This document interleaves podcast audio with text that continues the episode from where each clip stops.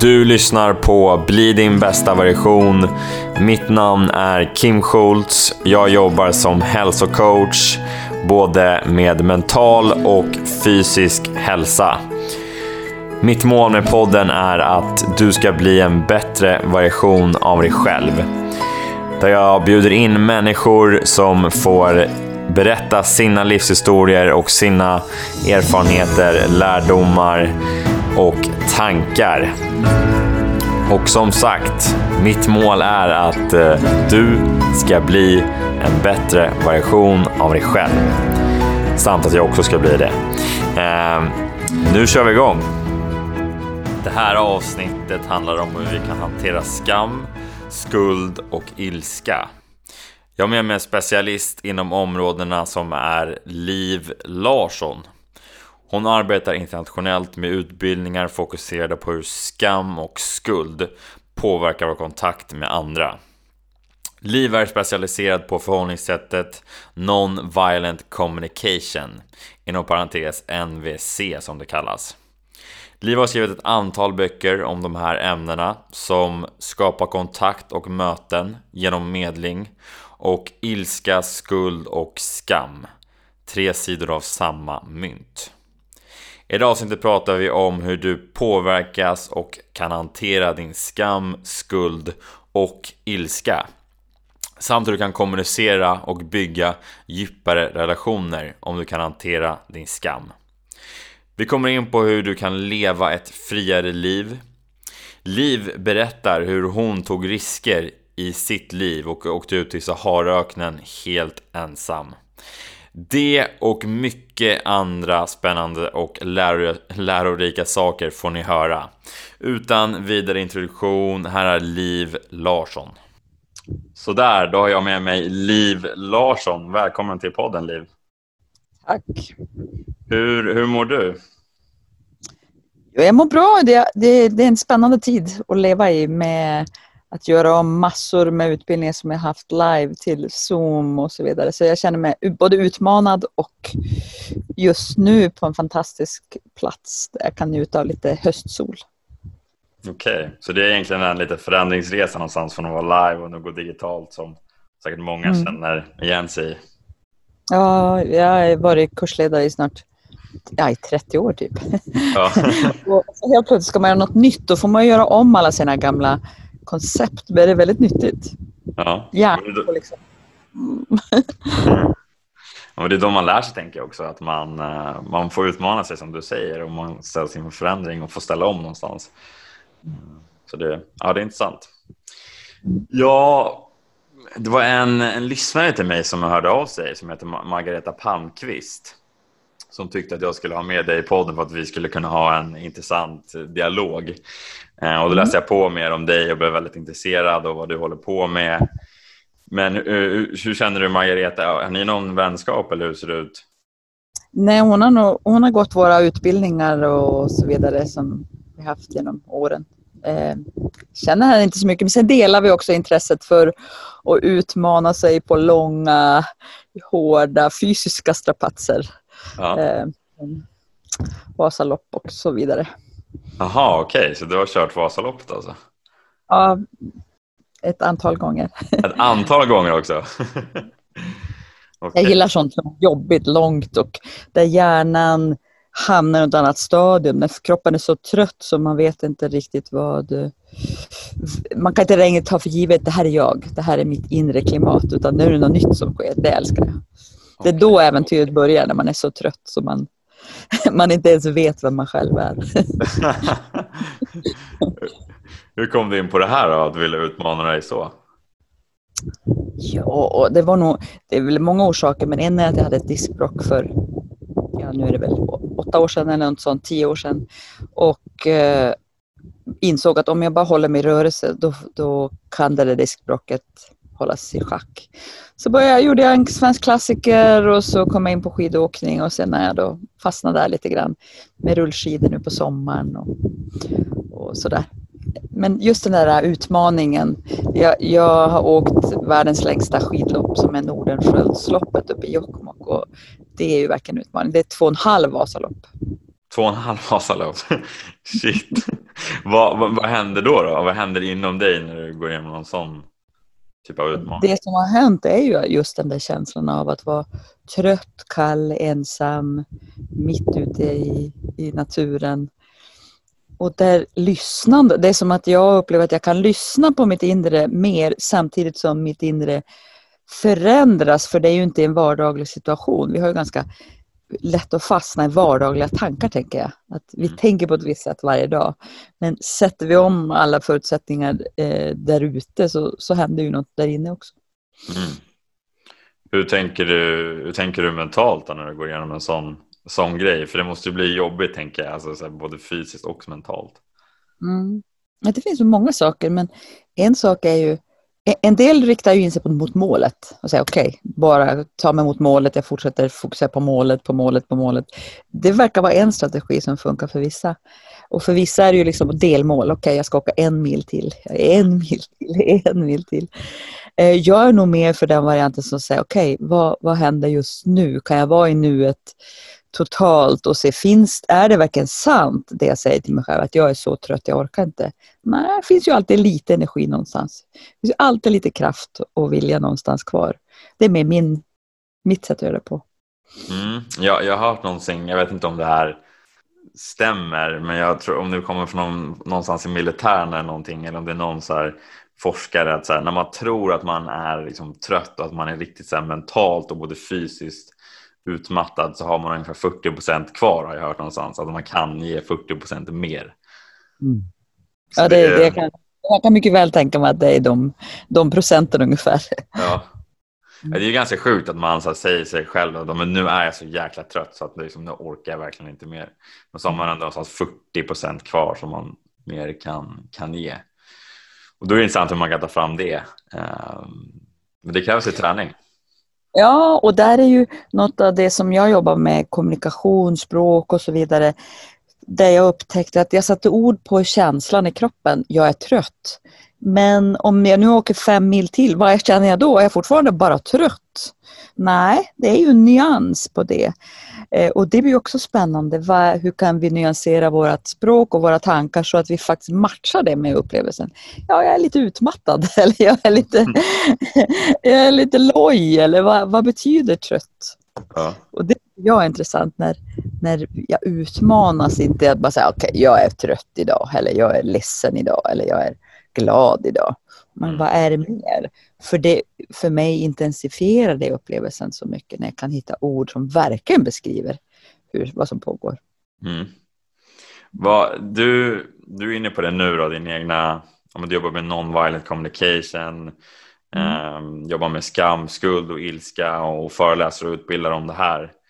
Eh, men kan vi inte gå in lite på din story? Hur kommer det sig att du började hålla på med det här och intresset för, för det? Ja, det, det är väl samma sak där, att det finns enormt många eh, svar på en sån fråga. Eh, men en är väl att jag redan tidigt, alltså som barn, verkligen led av när jag såg andra människor lida. Alltså att jag, och inte för jag hade några verktyg förstås. Att jag, inte, jag led inte på det sättet jag lider nu, men jag kunde, jag kunde se att det, det verkar skevt att jag har så mycket som växer upp i Sverige. Eh, stabilt, eh, stabil familj och så vidare. Och, så, och det var ju också, jag är ju då eh, 56 så för mig var det eh, de, de första, de började visa på nyheterna om vad som faktiskt hände när människor svalt. Jag vet att Biafra var där någonstans. Biafra, eh, hungersnöden i Biafra var när jag var fyra fem. Och så jag började få in bilder av att världen är inte likadan som den jag upplever. Eh, det är inte likadant som jag... Det är inte, alla upplever inte det jag upplever. Så jag tror det började så. Och, och att jag började liksom förstå att vi kan, vi kan ha olika yttre förutsättningar och det kommer förstås att spegla våra inre förutsättningar. Så det var, det var väl en av impulserna att jag förstod att oj, det är ju, världen är skev men ingen verkar veta vad man ska göra åt det. Ja, så det är väl en av sakerna. Sen så började jag jobba, hade jag också en sån där period när jag var tonåring med anorexia och bulimia, matstörningar, som gjorde att jag förstås också började eh, liksom förstå att så här kan man inte leva. Man kan inte må så här dåligt. Man kan inte, man måste göra något med sitt liv eller så bara lägga ner. Jag behöver ju ta hand om, jag behöver göra något åt att jag att jag mår som jag mår. Och sen då började jag leta efter verktyg liksom, på massa olika ställen och jobbade med mängder av olika saker. Sen blev jag så småningom vad som kallas handledare för en kurs som heter UGL som är ursprungligen militärens grupputvecklingsutbildning och där man fokuserade på grupper, hur funkar grupper? Och där blev det som så uppenbart att när man studerar hur grupper fungerar så kan människor i en grupp ha enormt mycket kunskap. De kan kunna massor om ledarskap, kunna massor om att sätta mål, kunna massor om strukturer. Men kan de inte kommunicera det utåt, kan de inte berätta det för andra, då kan de heller inte använda de kunskaperna de har inuti för att serva gruppen. Mm. Så det var väl när jag började jobba med grupper, då insåg jag men jag vill faktiskt fokusera på just den biten i vad som fungerar mellan människor och inuti min kommunikation med mig själv. Eh, för att det verkar vara sån, som knutpunkt till så många andra saker. Okej, okay, vad, vad intressant. Vilken, eh, vilken story. Jag fick så många tankar när du berättade det där. Men eh, du är inne på att kommunicera för att någonstans så har liksom människor inte den de har massa kunskap inombords men kan inte kommunicera ut det. Um, var, varför tror du att det är så då? Att vi inte kan kommunicera ut den kunskapen vi egentligen har in, innanför oss? Ja, en sak är väl att vi inte har blivit tränade i empati. Mm. Alltså vi har inte fått förmågan att veta var ska jag fokusera på när någon annan pratar. Hur ska jag kunna fokusera på att lyssna på dem på ett sådant sätt att jag vet vad är det för information jag kan ge som gör skillnad för dem. Att jag inte kan lyssna mig till att få en glimt av hur ser ditt inre landskap ut. Så att jag sen vet vilken pusselbit av dem som jag har eller faktiskt säga, men jag verkar inte ha de pusselbitarna för det du behöver, men vi kanske kan hjälpas åt hur vi kan hitta dem någon annanstans. Mm. Så förmågan till empati är för mig grundläggande, alltså kunna lyssna är, förmåga, är, är grundläggande för att veta hur jag ska kommunicera, hur jag ska prata. Mm. De hör, för mig hör de extremt tätt ihop. Eh, utan det ena så, så faller det andra. Så du tror att många egentligen eh, inte lyssnar då? Jag, jag, tror att folk lyssnar men det som man inte har tränat sig på det är vad ska jag lyssna efter? Mm. För om du börjar skälla på mig nu och säger men gud vad du är om, omständig eller vad du är tråkig eller vad du är, du börjar döma mig. Mm. Så kan jag ju lyssna efter, ja jag lyssnar, du är en idiot som kallar mig det, kan jag lyssna, jag kan liksom lyssna mig till det. Ja. Eller så kan jag lyssna mig till, aha om du kallar mig omständig, så kan jag lyssna mig till att du känner dig frustrerad, du vill förstå. Mm. Du vill ha större klarhet, då kan jag fråga dig, men vilken bit är det jag kan klargöra? Istället för att höra att du pratar om mig som omständig. Mm. För mig är det empati, att kunna sätta mig in i att just nu är du liksom helt förvirrad och vet inte hur du ska få förstå. Och då kan jag se hur kan jag, hur kan jag lägga till det. Om du kallar mig lat så kan jag säga så kan jag förstå att du är besviken, förmodligen eh, behov av stöd, behov av att vi gör saker tillsammans. Eh, gemenskap kring det. Och då kan jag kolla det med dig. Så är det så att du, du blir frustrerad när du säger att jag ligger på soffan och du städar köket. Mm. Och då kallar du mig lat. Och du är besviken för du vill hjälpas åt. Och om du då säger ja, ja men säger man, åh, vet du, jag vill ju det men samtidigt är jag helt utmattad och verkligen behöver vila. Kan vi göra det om en halvtimme? Mm. Så empati är för mig inte heller att hålla med att du behöver liksom, att nu ska jag finnas för dig för att jag har förstått dig. Då är det mer sympati eller eller undergivenhet eller något. Men empati är bara att försöka sätta mig in i vad är du och sen fundera vad kan jag göra då och vad vill jag göra i relation mm. till dig. Så jag tror att många har inte fått verktygen att lyssna med just det fokuset, lyssna med empati. Mm. Vad, vad intressant att du säger så, för då tänker man ju någonstans också utanför sig själv. Att man tänker, men hur tänker den här personen? Istället för att bara mm. tänka på sina egna känslor eller sina reaktioner, att man tänker sig längre någonstans. Mm. Mm. Eh, väldigt intressant. Hur, men non-violent communication, är det lite vad det här innebär det du pratar om nu eller vad, vad exakt är det för de som, vad jag som inte exakt vet och de som inte vet vad det är för någonting? Precis, så non-violent communication också förkortat NVC, det är ju liksom förstås, det är ju liksom amerikanskt, det måste vara en förkortning. NVC, eh, non-violent communication, det är en man som eh, heter Marshall Rosenberg eh, som inte längre lever men som grundade det här.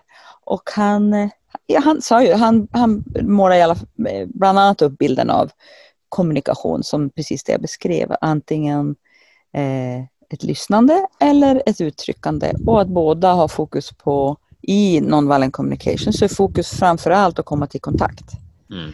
För att sen komma till lösningar eller nya vägar eller så. Men det är fokus med hela förhållningssättet. Eh, så det, det, bygger på hur kan jag lyssna så att jag förstår dig? Hur kan jag uttrycka mig så du förstår mig? Mm. Hur kan du, din empati väckas för det jag säger? Och med all sannolikhet så väcks inte min, din empati om jag kallar dig krävande eller självisk eller så. Med all sannolikhet så blir det ju svårare för dig. Så med NVC så tittar man också på vad är det för kommunikation som gör det svårare för kontakt att uppstå, empati att uppstå och vad är det som gör att det blir lättare. Mm, okay. Och så finns det uh. tekniker och uh, fokus och saker man kan jobba med för att komma mm. dit. Vad, vad skulle du säga vad är svårare och lättare då, om man säger? Det som verkar vara är ju att en del människor har lättare för empatidelen. Mm. Eh, alltså en del har lättare att vänta, låta någon annan prata. Eh, inte så säker på att ja, det här är lösningen eller det här är, hoppar in, utan inväntar. Och en del har, verkar ha lättare för att, eh, att uttrycka sig, att direkt komma, våga visa så här pågår inuti mig och vara säker på det. Och det finns ju fallgropar och dåligt med båda och bra med båda. Mm. Eh, så det verkar vara en sak. Men sen finns det ju förstås kulturellt vad vi är tränade i. Vad vi, en, del, en del skulle hävda att kvinnor har lättare för att eh, lyssna med empati, så att vi är mer tränade att vara så. En del skulle hävda att det finns ett, liksom, först behöver göra det ena och sen det andra. Så det finns nog inget enkelt svar på Nej. det. Men var och en kommer att upptäcka det när vi har utbildning så kommer folk till att inse att men just det, är det där som är svårt för mig. Mm. Och så kan man jobba på det. Alla har sina utmaningar någonstans, men det gäller att... Ja, Om vi går in lite så på skam och skuld då. Eh, hur kan vi mm. jobba med det för att vi ska kunna liksom lyckas kommunicera? För det kan ju ligga någonstans inom oss, tänker jag. Ja, oh ja. Skuld och skam är ju sådana känslor som... Jag brukar likna dem vid, och speciellt kanske skam, Tänk dig en, en, att du är trafikorganisatör eh, på din kommun. Mm.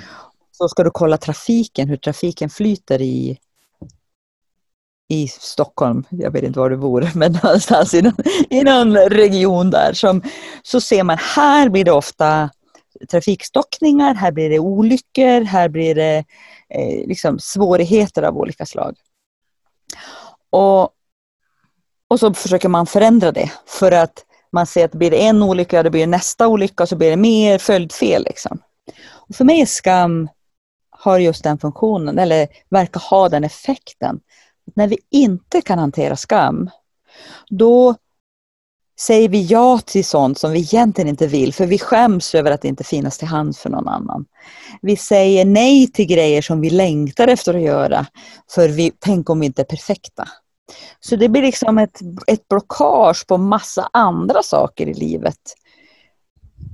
Så det blir väldigt lätt att säga att ja, vi måste bli av med skammen för vi, vi ser ju att den uppenbart är i vägen för våra, våra intima möten, djupare kontakter med människor. Vi vågar inte visa oss för tänk om någon upptäcker vi en bluff och så vidare. Så skam och skuld påverkar all kommunikation skulle jag säga. Och som sagt, då blir det lätt att dra slutsatsen, låt oss bli av med det. Mm. Och så försöker man det på alla möjliga sätt. Och jag upptäckte ju ganska fort att med, med Marshall Rosenberg som grundade MVC, att nej men det gick ju inte. Det är ju ingenting vi kan bli av med. Mm. Precis som vi kan inte bli av med hunger. Hunger liksom kommer då och då. Det är liksom, förr eller senare så blir vi hungriga. Ja. Och förr eller senare så kommer vi känna skam. Men vad vi gör då, vad vi gör i det ögonblicket kommer vara avgörande för hur, hur kommunikationen eh, flyter. Mm. Så det är något som jag jobbar mycket, jättemycket de senaste tio åren med mängder av människor runt om i världen. Otroligt spännande att se vad händer när vi kan säga okej, nu känner jag skam.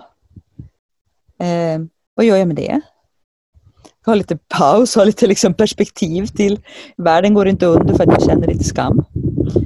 Eh, och oftast, så det jag brukar uppmuntra folk till att göra, det är att fråga sig, har det här att göra med min längtan efter acceptans, min längtan efter gemenskap eller min längtan efter värdighet?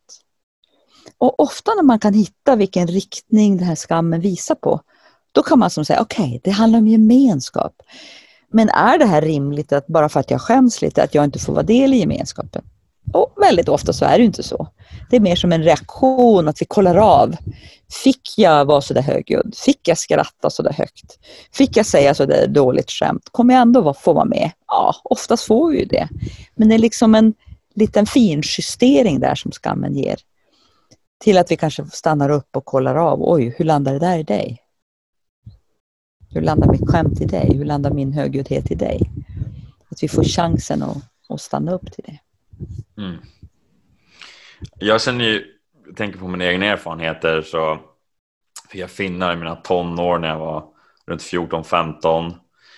Uh, eh, fick akne ganska mycket och, och, blev egentligen väldigt osäker på mig själv. Fick dålig självkänsla och berättade egentligen aldrig vad det här, vad, det, vad jag tyckte eller vad jag kände inom mig. Och jag höll det här liksom fem år inom, innanför mig själv utan att berätta för någon vad, vad som egentligen pågick inom mig. Och mm. det som jag egentligen varför jag inte berättade för någon var ju på grund av skam när jag tänker på det.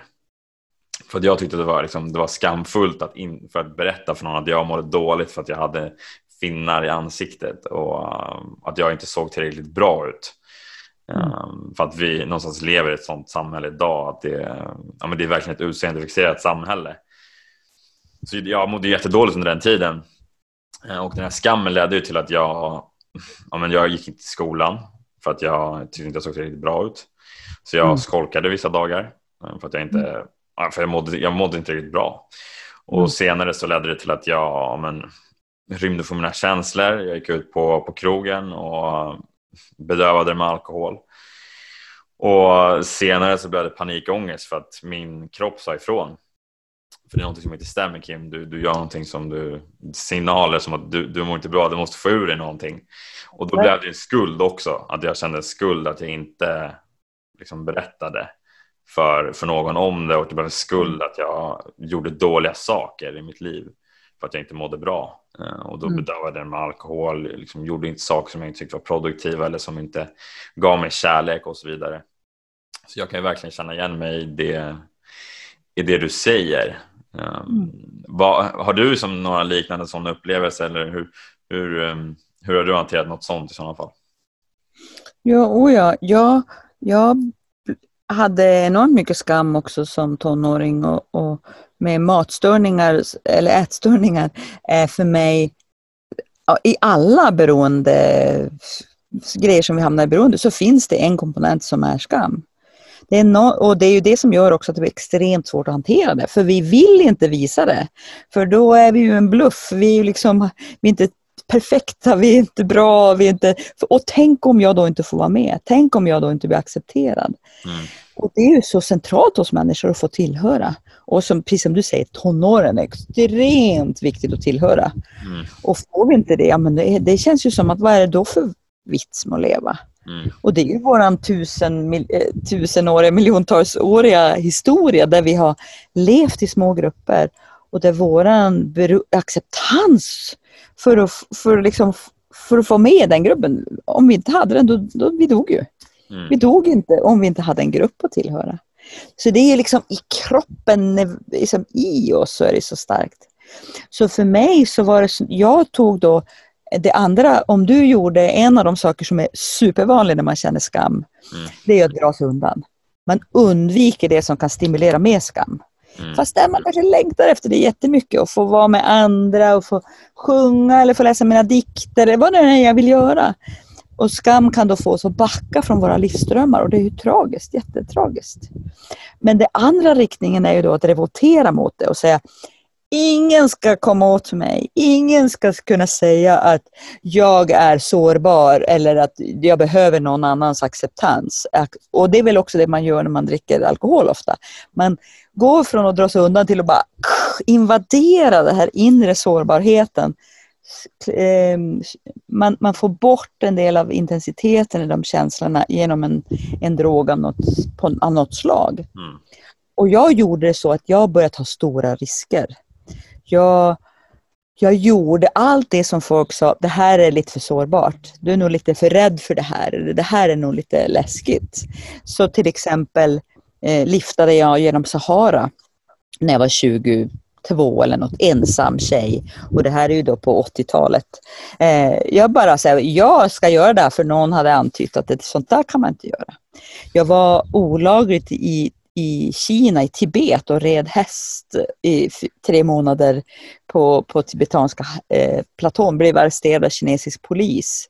Och det här var ju långt innan det fanns några mejl eller mobiltelefoner. Eller, det var ingen som visste var jag var. Så jag gjorde sånt där, jag gjorde så här, tog sådana här risker för att ingen skulle kunna säga du, du känner också skam, du är också sårbar, du behöver också andras acceptans. Och det såg ut som att jag var fri. Det såg ut som att jag var liksom frimodig och jag gjorde en massa roliga saker. Men inuti så var det väldigt tomt. Inuti var jag väldigt ensam. Inuti så hade jag en känsla av att jag behövde fortsätta springa för att inte bli uppslukad av den här ensamheten. För jag hade ju klippt banden till alla viktiga eh, intima relationer där jag kunde avslöjas att jag var precis som alla andra, lika sårbar. Så det tog många år innan jag fattade att det här hade blivit en strategi för att undvika att vara sårbar eh, och att riskera att känna skam. Och att våga vända det och säga okej, okay, det är det jag gör, jag springer från mig själv. För tänk om någon ser att jag bara är precis som alla andra, varken bättre eller sämre. Och tänk om jag inte får vara med då? Tänk om jag inte får tillhöra? Så det var en jättelång process för mig och det var Marshall Rosenberg som grundade MVC, det var väl en av de saker som gjorde att jag fastnade för det. För han sa, gör aldrig någonting för att undvika skam eller skuld. Jag tänkte, vad menar han? Jag känner aldrig skuld eller skam. Mm. Det, det, var väl enkelt. Och det var ju så, jag kände det aldrig ens. För jag direkt någon ifrågasatte om jag var stark nog, frimodig nog, cool nog att göra något. Då gjorde jag det. Så jag trodde att jag var fri men egentligen var de flesta mina, mina aktioner var reaktioner. Mm. Det var en reaktion på att bevisa något snarare än ett val. Mm. Ett val att säga okej okay, jag vill lyfta genom Sahara. Ja, det kan ju vara lite farligt. Undrar om jag kan göra det på något tryggt sätt. Undrar om jag ska ha någon med mig eller kan, hur, hur kan man göra det här? Liksom? Det fanns ju inte på kartan utan det var det var 130 och så sen hoppas att man överlevde. Vilket jag uppenbarligen gjorde. Trots med, mindre men. Shit vilken, vilken story. Vad, mm. vad hände när du vågade öppna upp för det? För skam och skuld? Ja, det som hände var ju från början att jag upplevde skam varenda levande ögonblick. Jag insåg hur många gånger på en dag den där skammen kom och touchade mig. Det var som en våg av att jag märkte att jag kunde fastna i ett sånt där leende. Alltså insåg jag skäms nu, men jag vill inte riktigt känna det. Eller jag kunde göra det här som är vanligt. Man småskrattar, man gör så här. Du vet, mm. man skäms lite så. och hur ofta jag började upptäcka att skammen fanns där som en påminnelse om de här superviktiga behoven som jag hade bestämt mig för att ta på allvar. De här behoven av gemenskap, av acceptans, av tillhörighet, eller av värdighet. Att de, de gjorde sig påminda på ett sätt, för jag hade ju förnekat dem i typ 35 år. Så det var ju liksom var inte konstigt om de kom full kraft och sa nu är det dags, nu är det våran tur. Ja. Så det var ju en jätteprocess, men det är också en otroligt spännande process och som jag är grymt tacksam till mig själv att jag gjorde och till det stöd jag fick under perioden med, av, av vänner och sådär. Så skrev jag då en bok om det och jag har skrivit många böcker, men den boken har, vad jag förstår, så jag får otroligt många mejl av människor, kanske du vet, ibland en gång om dagen, ibland en gång i månaden. Folk som har läst boken och, skriv, och skriver att oj, jag önskar att jag aldrig har läst den här boken för nu kan jag aldrig ignorera det här mer. Folk skriver att de fattar de, de, skämtsamt, men många säger just det att oj, nu såg jag något ny aspekt av mig själv. Mm. Och så jag förstår att jag fångade någonting där som inte så många böcker eller saker har skrivits om. Det, det värdefulla med skam, men heller inte att gå under av skammen. Inte tro på orden som skammen kommer med, att jag är dålig, att jag inte är värd kärlek, att jag inte får, att jag inte är bra. Men att signalen skam, skammen om att, eh, det signalen om att jag behöver tillhöra, jag är precis som alla andra människor, behöver acceptans. Den förstod jag att jag fångade i den där boken som är så kul. Och den är ju översatt till... Jag faktiskt i morse fick jag ett, ett mail om att jag nu har fått ja till ett kontrakt, den ska ut på kinesiska. Eller ut i Kina. Så det känns ju ja, superkul. Vad häftigt. Mm. Men det låter någonstans som att du också påbörjade en inre resa. Mm. Och jag kan säga, jag hade påbörjat den resan innan mm. på massa andra plan. Och varje gång jag gick tillräckligt djupt så kände jag ju som att jag gick mot en vägg. Mm. Jag hade gjort jättemycket saker som du vet, utlevelseterapi och frigörande andning, eh, meditation och så vidare, som gav mig jättemycket inre space. Men det var som det, där, det, det jag sa i början, som, en, eh, som att det var ett trafikkaos vid ett visst tillfälle. Och då blev det jättemånga följdfel där jag började censurera mina val och censurera mig själv. Så det blev som en proppen ur när jag också la till arbetet med skam för de andra sakerna. Så, så påbörjade, eller som en del av ett inre arbete och som en jättestor del av ett inre arbete. Mm. Mm. Hur, hur, hur har den resan varit då? Om du ska säga? Den är väl upp och ner, men det som är lite spännande, jag sitter här nu och vad är vi 2000, eller 2020, så kan jag se att 2011 och under 2010 så skrev jag den här boken. Och då tänkte jag väl att ja, men här kommer jag jobba med några år, för det är ju intressant. Mm. Men jag har ju fortfarande utbildningar i det här. Jag har fortfarande det är så intressant. Jag håller på att skriva en bok om barn och, och skam och hur, hur det utvecklas i oss från det vi är små. Eh, och jag är fascinerad fortfarande att jag fortfarande tycker jag kan, jag kan älska att läsa nya böcker som tar fram nya aspekter kring skam. Det är någonting som det är som en, en diamant som kan slipas i fler och fler skepnader. Mm. Som är, det, det, är, det är verkligen ett så djupt, djupt intresse. Vad händer när vi kan acceptera till och med skam? När vi kan omfamna till och med det, inte bara ilska och sorg och glädje och så, men även skam som en naturlig känsla. Mm. Hur kan vi, om vi går in lite på relationer, du nämnde det tidigare också, men hur, hur kan vi någonstans här kommunicera och bygga bättre relationer? Ja, en sak, när det, om, man, om jag kopplar det till skam, det finns ju mycket saker att säga med relationer, men, men när det gäller just den där skamkänslan när vi känner skam så reagerar vi ofta på sätt som är svåra för andra att förstå att vi känner skam. Alltså som du sa själv förut, vi kan dra oss undan. Och då kan ju andra tro att ja, de vill inte ha med mig att göra.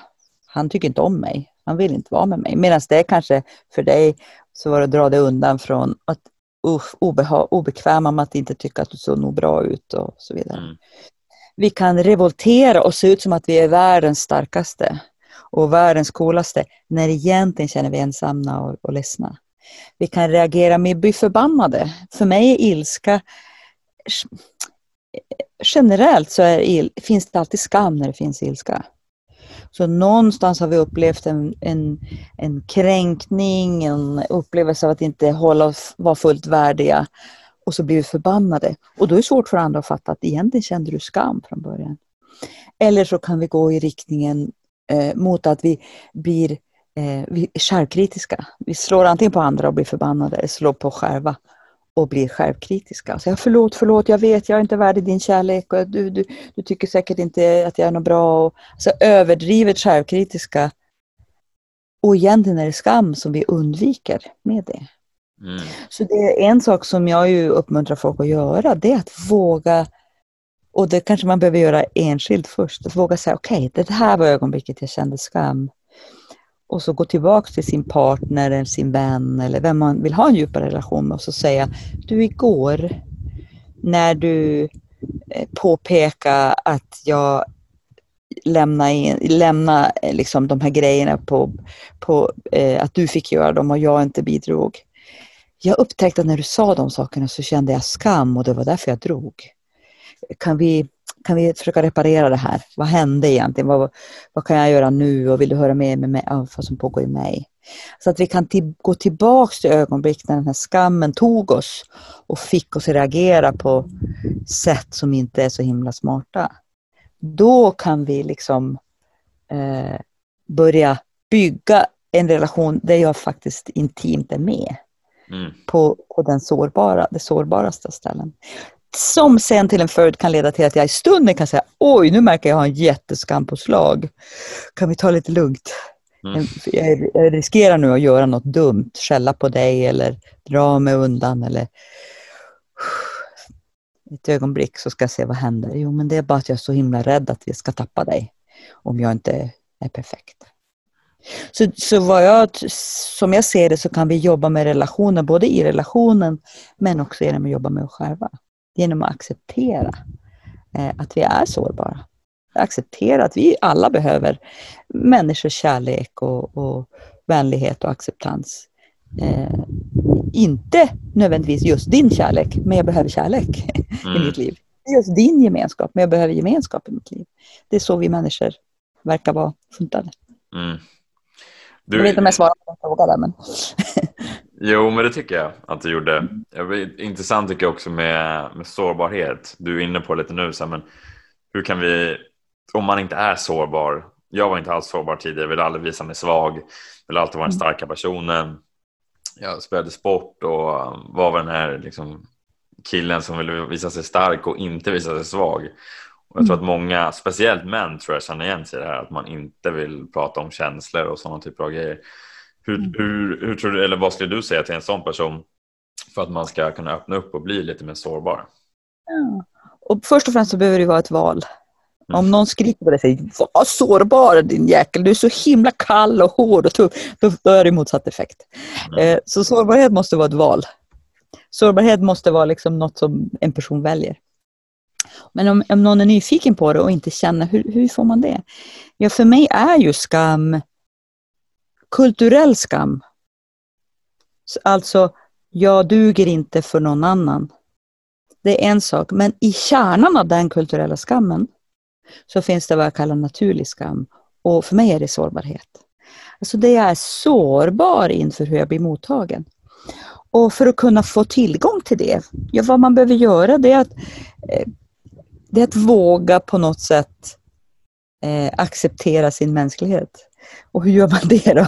Ja, det, alltså jag, har ju, jag bor ju då uppe i Norrbotten och älskar, som jag sa förut, skidåkning. Och jag bor så att jag kan ta på mig skidorna hemifrån, speciellt på vårvintern, bara från, från bron hemma, från trappen och ta på mig skidorna och så åka ut i skogen. Och det händer ju ibland att jag ramlar. Mm. Inte så ofta, jag, jag ska ju ska säga att jag är duktig skidåkare, men det händer att jag ramlar. Ja. Bara för att undvika skam. Eh, men, men, och, och när jag ramlar, ensam i skogen, kanske hunden är med, men inte så mycket mer. Du kan ana vad den första tanken är som går genom mitt huvud. Mm. Det är så här, var det någon som såg mig? Var det någon som såg hur jag liksom kraschade där med mina skidor och mina... Det är den första tanken. Mm. Och förut så skulle jag invadera den direkt och säga, men jag skiter i vad andra tycker om mig. Jag struntar i det. Jag är cool, jag kan göra liksom... Och så ska jag ställa mig upp och om det kommer någon så då kan jag ramla in framför dem bara för att bevisa hur fri jag är. men nu när jag gör det så åker jag ut i skogen och så kommer fortfarande tanken, var det någon som såg mig? Fastän jag jobbar med skam, fastän jättemycket av min tid under många, många år gick åt till att bli vän med den här känslan, så kommer eh, impulsen. Och det jag gör nu, det är att välkomna den i form av att förundras över till och med innan jag kollar om jag har brutit staven, brutit ben, brutit skidan, så vill jag, är jag så mycket människa att jag vill kolla, är jag accepterad? Är jag okej okay i, i andra människors ögon? Är jag, får jag vara med? Den impulsen kommer, för det är så grundläggande mänskligt. Det har att göra med vår överlevnad i miljontals år. Att vi fick den acceptansen, att vi fick den gemenskapen. Så den, eh, den impulsen vill ju inte jag ta bort. Så för mig att jobba med det handlar också om att känna igen när den kommer, andas och säga okej, okay, nu kom den där rackaren igen. Mm. Och påminner mig om min mänsklighet. Ja, jag behöver inte göra så big deal av det. Jag ställer mig upp på skidorna igen och åker vidare. Det är inte så att jag behöver göra någon stor grej av det. Men jag kan fira och uppskatta att jag är människa framför allt. Det är liksom bottom line, är mm. människa. Och då kan jag ju också utmana skammen på ett annat sätt. När jag lär känna den. Om jag är i ett sammanhang där jag tycker jag sticker ut. Där jag har fel kläder, där jag har fel beteende. Då kan jag våga ändå vara kvar i att vara olik. Och vara kvar med att riskera att vara annorlunda. För jag kan hantera den där lilla sårbarheten, oron över att inte bli accepterad. Så jag känner mig mycket mer frimodig att våga vara annorlunda. När jag kan hantera skammen. Mm. När inte skammen styr. Men jag gör det inte som revolt och säger jag ska minsann visa att jag vågar. Utan ah, jag vill vara så här. Så här det här är mitt val.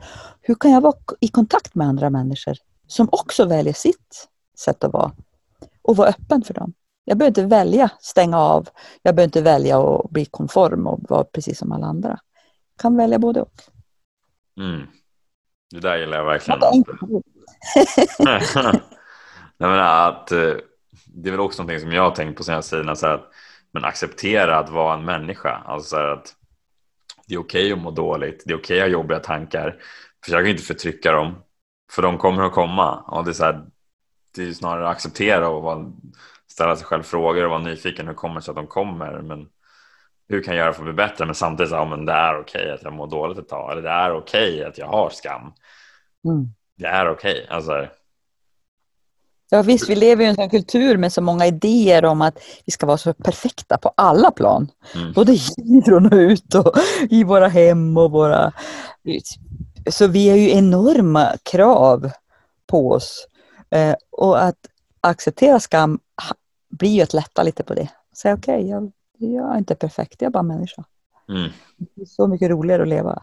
Så mycket friare att leva eh, och, och göra det. Ja. Du pratar om friare nu, det är också en, liksom, det är lite av det du pratar mycket om, att leva ett friare liv. Ehm, du pratar ju kanske mycket om det också nu, men är det någonting mer du vill tillägga där och hur man kan leva ett friare liv någonstans?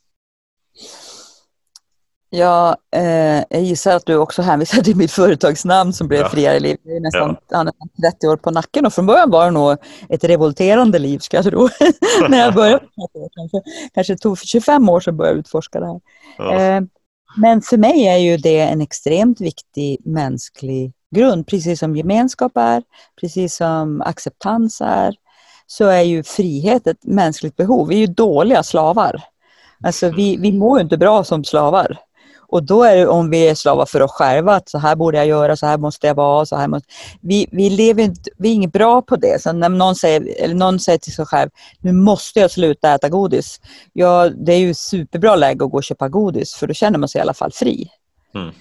Det är liksom en, en, alla de här kraven som vi ställer på oss själva och utifrån, det ger ju möjlighet att revoltera och uppleva att vi är fri, även om vi inte är riktigt fri då.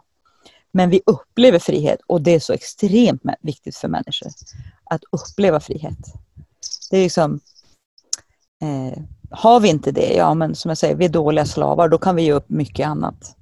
Människor är beredda att gå ut i krig och dö för att, för att skydda frihet. Så viktigt är ju frihet i oss.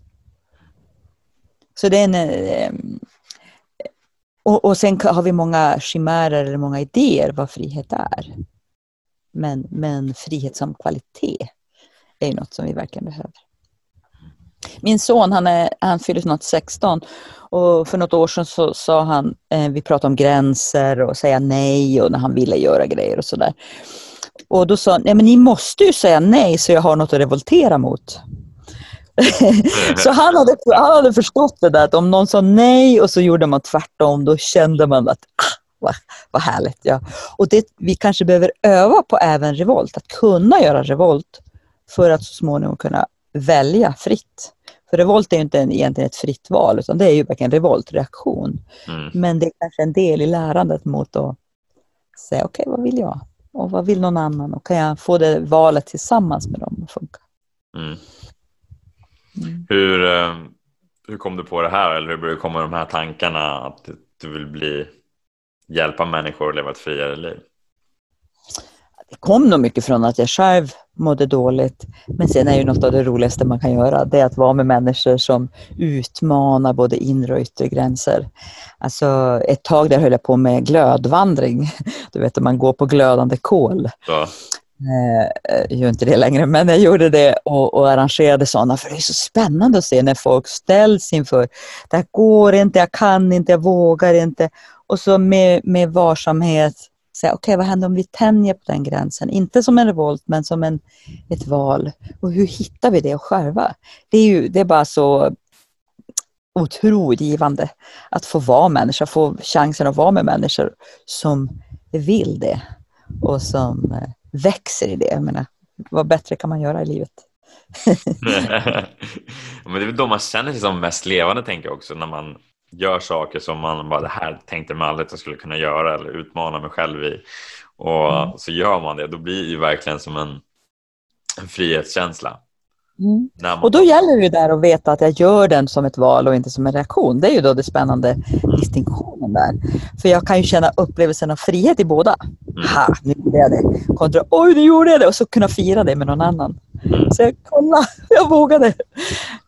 Så, så hitta den där linjen där jag fortfarande är sårbar men ändå modig. Ändå frimodig. Mm. Okej, okay, så, då, så då ska det inte bli en, man vill helst att, att det blir ett val då, att det inte är en reaktion som du säger? Ja, alltså just den där känslan av, eh, det är inget fel att göra revolt, vi gör det allihop. Mm. det är verkligen inget fel med det. Men det får, du, får, du får ut mer av det om det är ett val. Om det är en, en upplevelse av att ett val där du också känner igen att du är människa i det valet. Mm.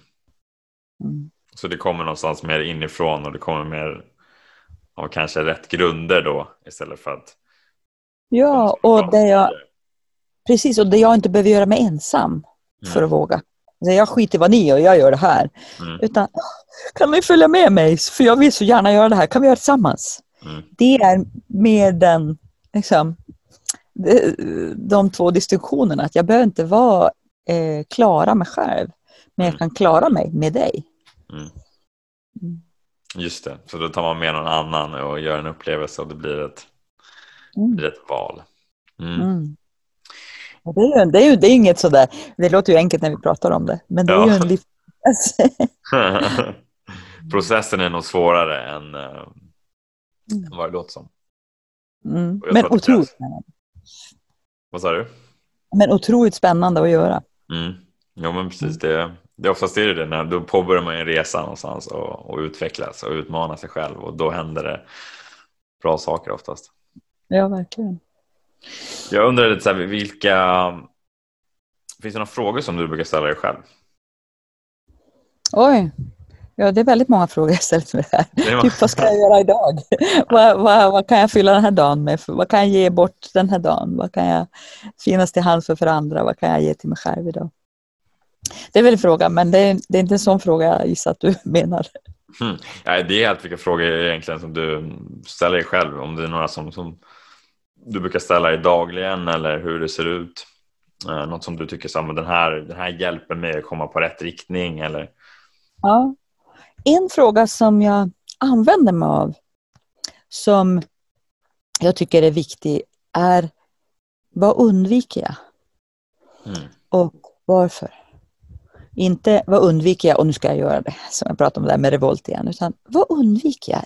Är det det samtalet till den där förläggaren som jag är rädd för att få ett nej av? Eller eh, undviker jag att ta kontakt med den personen jag hade en konflikt med som vi inte pratat på några veckor? Vad undviker jag och varför? För mig är det en jättevärdefull fråga att ställa sig. Inte för att göra, alltid pusha sig och göra det, men för att kolla hur kommer det sig?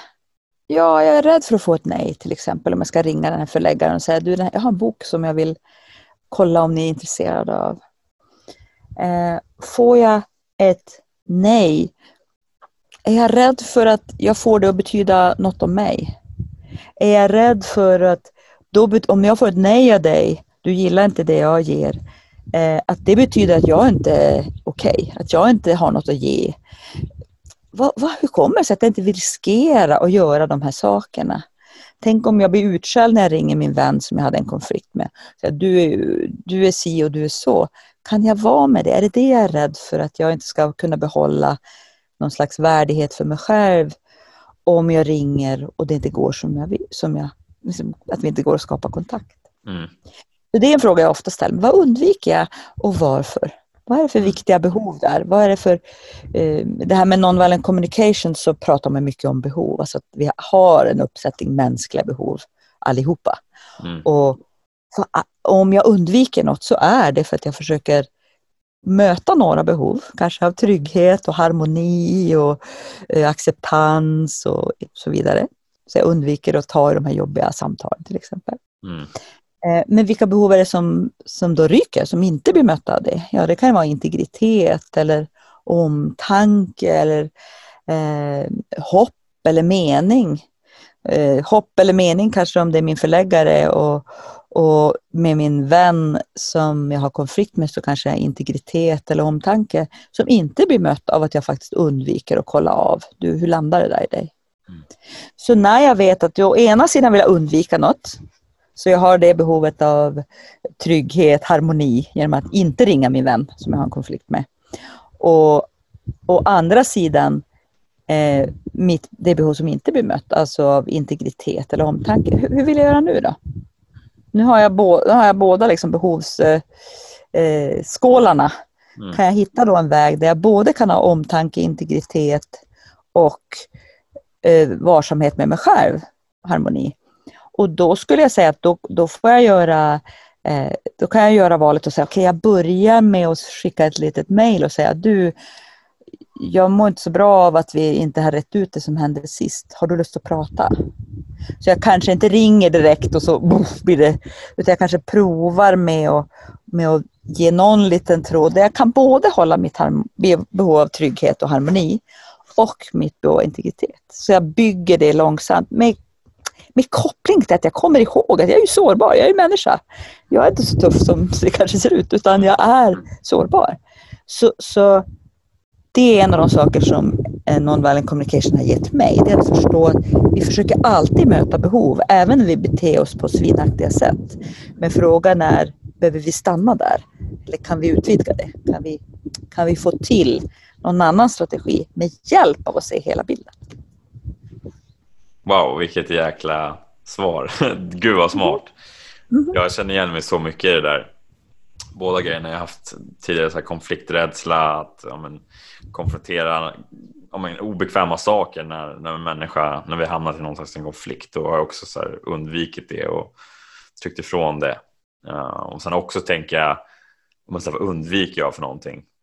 Mm. Jag kan bara koppla till, till liksom igår så ringde jag ett samtal till en till en vd på ett mindre bolag och det är väl någonting som jag har undvikit. Alltså här, varför har jag inte gjort det för att liksom, utveckla min business? Varför har jag inte tagit det steget mm. till att ringa det här samtalet?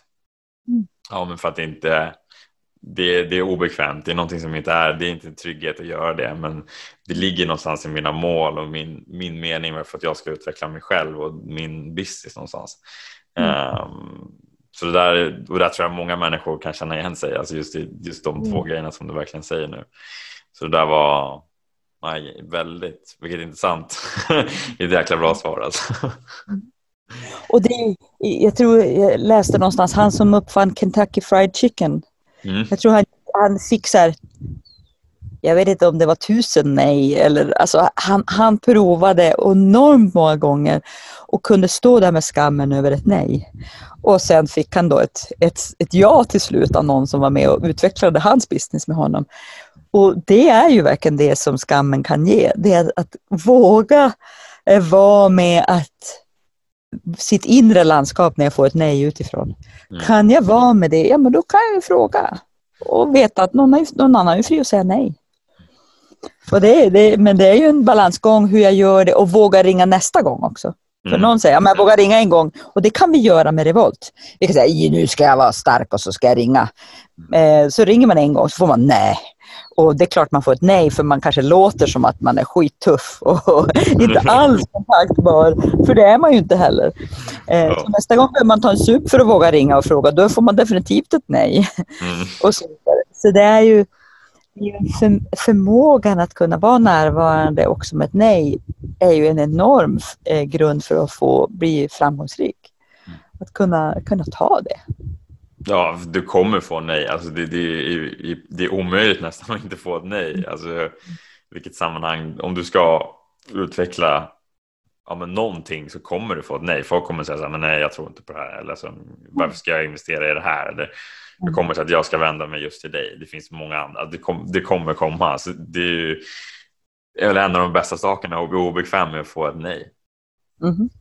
För det leder till ett ja till slut. Precis, precis. Och, och, och ett växande i, i det när vi vågar göra det. det jag brukar jobba med, något, med, med vad jag kallar självbild, alltså att vi har en sån här en bild av hur vill, mina favoritidentiteter, alltså hur vill jag att folk ska se mig? Mm. Och så har vi liksom, det här är hur jag vill bli sedd. Och sen så har vi det vi det jag brukar kalla för oönskade identiteter, alltså hur vi vill att andra inte ska se oss och som, kan vi, som vi kanske delvis är eller inte. För även med våra favoritidentiteter kan vi säga att det är vissa av dem som vi är och vissa inte. Mm. Eh, men det är det vi försöker skydda. När vi då får ett nej, då, då krackelerar den där skärbilden lite grann, eller det gungar lite grann. Kan jag vara med den? Kan jag, kan jag hålla den någonstans? Och vad händer med, med då igen relation till skam och relation till mitt behov av acceptans och, och värdighet? Så den att känna, veta min egen självbild, veta min egen, eh, vad jag har satt, så här vill jag bli sedd. Jag vill bli sedd som generös eller smart eller cool eller så. Eh, då kommer ju det att, eh, när, jag, när jag vet om det, då kan jag också vara beredd när jag möter något som ifrågasätter det. Jag kan vara beredd när någon, när jag vet att jag vill bli sedd som generös, så jag kommer förmodligen reagera när någon kallar mig snål. Mm. Jag, jag, vill bli sedd som smart, men eh, eh, om någon kallar mig dum, ja då kommer jag reagera. Mm. Och då jag, vara, eh, som har, jag har en liten buffer, jag har en liten, liksom en, när jag vet om det, då kan jag också som, vara med det lite. Istället för att aldrig ta risken att någon ser mig som något annat än det jag har förutsatt mig. Mm. Du, jag upptäcker här att jag har, jag har börjat få slut batteri. Ah, okay. Så jag tänker gå in här i... i du rör inåt i huset? Ja, men det. Jag är inåt i huset där jag har ström. Ja, men det är helt okej. Okay. Vad bra. Um, kan du prata samtidigt eller blir det, ska ja, vi vänta någon? Nej då, jag är med. Du kan, du kan göra två saker samtidigt. Jag är simultan. ja, jag jobbar också som, som, medlare i konflikter och där, då är ju det något som man verkligen övar på, att vara simultan, att hålla många, många aspekter i luften, mm. många personer eh, och deras perspektiv i luften. Du tränade i det. Um, det, var, alltså det tycker jag också är väldigt väldigt intressant. Alltså självbild och, och självkänsla. För som du säger, har man det någonstans här tryggt med, ja men det här är jag. Alltså som, har vi den tryggheten i oss själva, då kan man nog, är man nog benägen att kunna ta ett nej som du säger. Mm. Om en säger en sak, ja men okej, okay, ja, va, men vad, det är okej okay att du säger ett nej. Jag kan ta det, men jag är fortfarande trygg i mig själv och vad jag kan, vad jag kan leverera för någonting. Som att du säger, mm. jag är fortfarande generös. Om du tycker att jag är snål eller så här. Jag tror, mm. landar man i det eller så att jag, eh, jag vet att jag är duktig och jobbar som coach. Mm. Även, om, även om du inte har det behovet just nu kanske. Men det kanske kommer framöver. Det kanske, inte, det kanske bara är ett nej just nu också. Det kan ju bli ett mm. ja framöver. Det vet man ju inte heller. Mm. Och det tror jag är som du säger. Mm. Och kunna leva med det. Och jag, vet, jag skulle alltså jag har inte emot att du använder de orden som att veta, känna sig själv eller veta. Och det är ju en, en del. Men jag, jag, skulle också vilja lägga till delen att, att också se att jag kommer eh, den, hur ska jag säga det, eh, att jag vet också vilken bild jag har av mig. Mm. Så både att jag känner att jag känner igen mina reaktioner, att jag förstår mig på mig själv, så det är ju som en jätteviktig bit. Men också att veta att det finns blinda fläckar och att jag kommer att gunga ibland. Det kommer att vara något som, som rör om mig ibland. Och det kan ha att göra med att jag behöver kalibrera min självbild. Men det har, betyder inte att det är något fel på mig. Mm. Och det är ju liksom att kunna hitta den där äh, inställningen. Till, jag brukar säga som vårt jag, eller det som är vår identitet, det är liksom en flödande eh, rörlig massa. Mm. Det är inte en, en fast punkt, utan det är en, den jag är när jag är 80 är förhoppningsvis något annat än det jag var när jag var 20. Att, det väx, att jag växer också, att jag mm. utvecklas. Att det sker något i, i, i kärnan till och med och ändå ut Ja men det där är ju absolut. Eh, jag tänker just i de vissa tillfällen, alltså när man är så här osäker. Men jag håller helt och hållet med dig.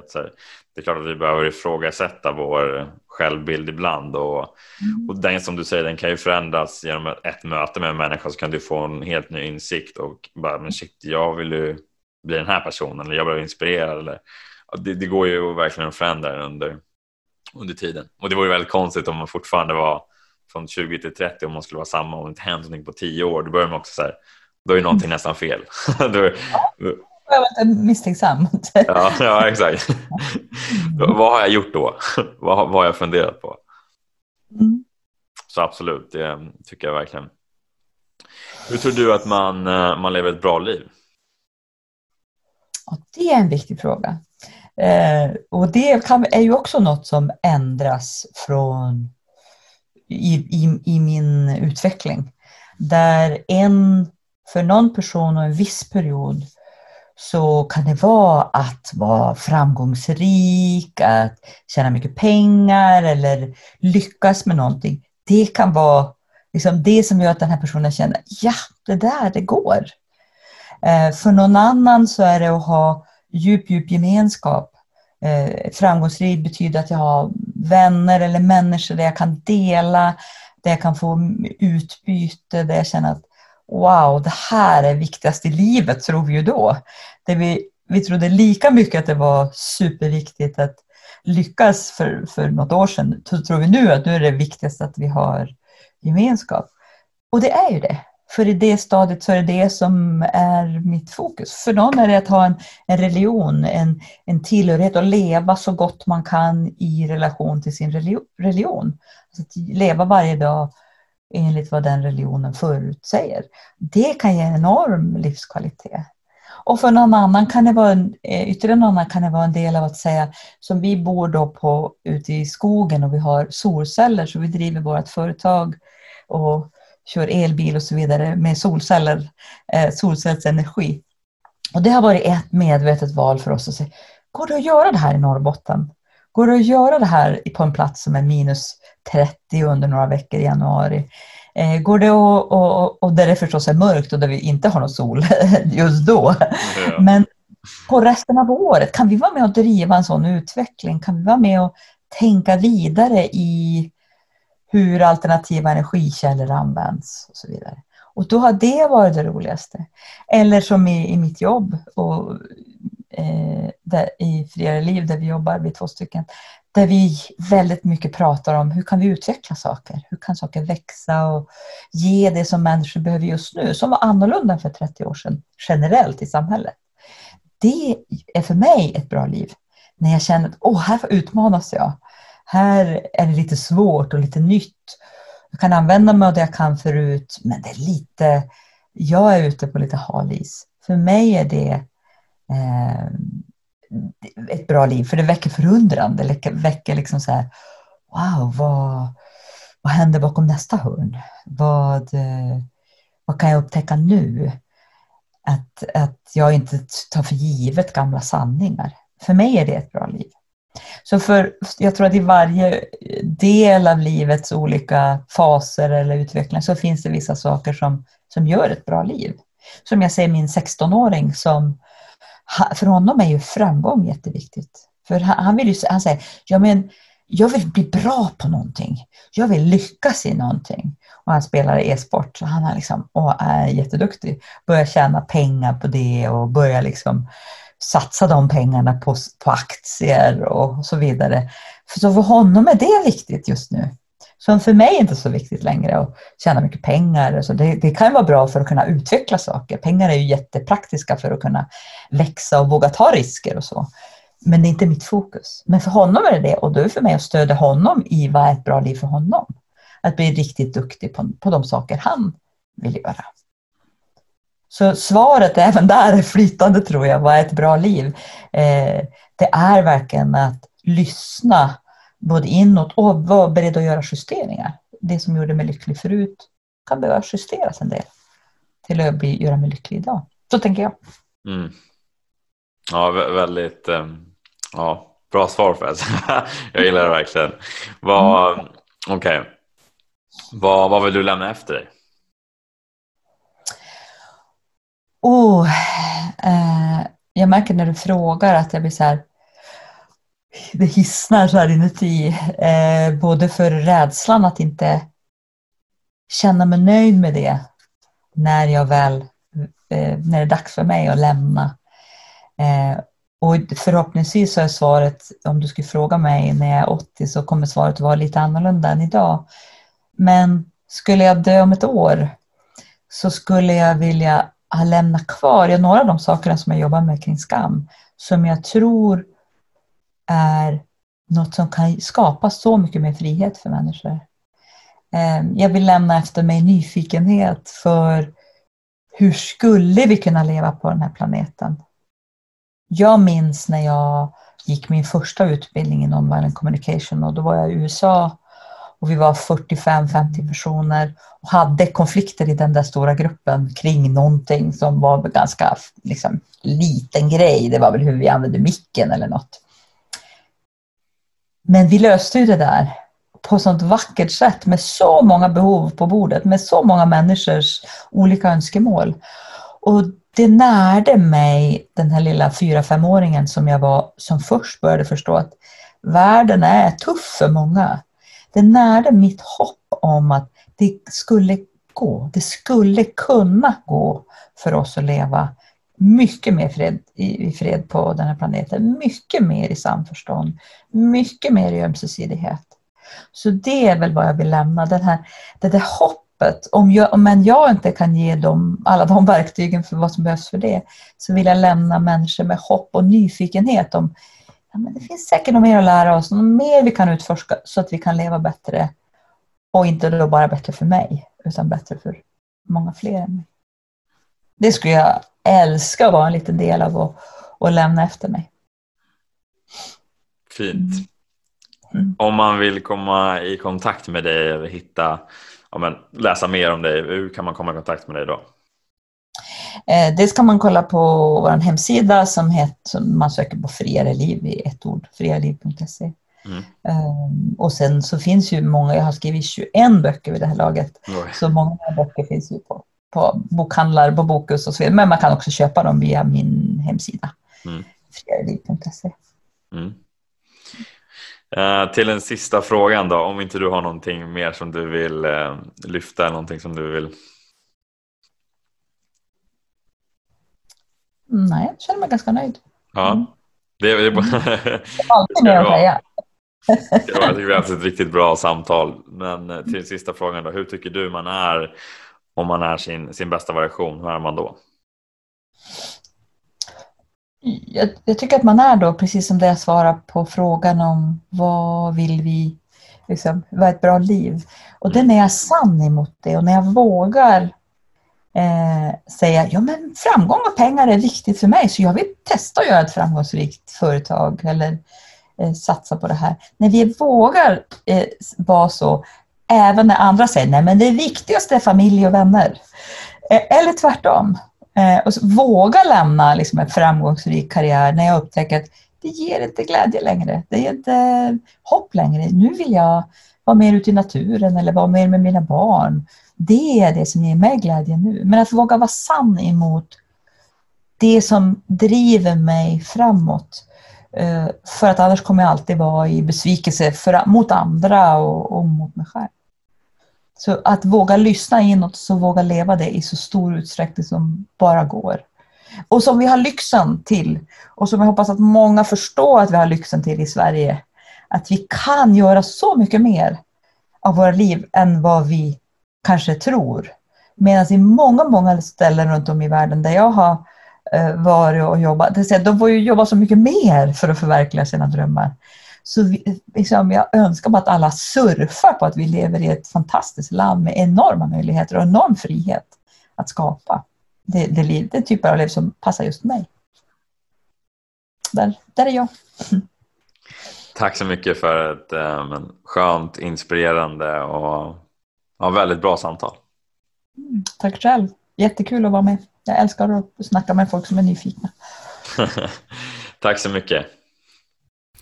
Vad tar du med dig från det här avsnittet? Vilka insikter har du fått från det här samtalet? Vilken skam och skuld har du i ditt liv och hur påverkar det dig? Vill du veta mer om, om liv så kan du gå in på friareliv.se eller livlarsson.com. Där kan jag läsa mer om Liv och vad hon jobbar med och håller på med. Eh, sen kan ni även gå in på Facebook. Där heter hon också Friare Liv. Och låt oss veta vad, vad ni tycker om det här samtalet. Eh, connecta både med mig och Liv och berätta vad det här samtalet gav er. Ha en riktigt bra vecka nu alla. Hej!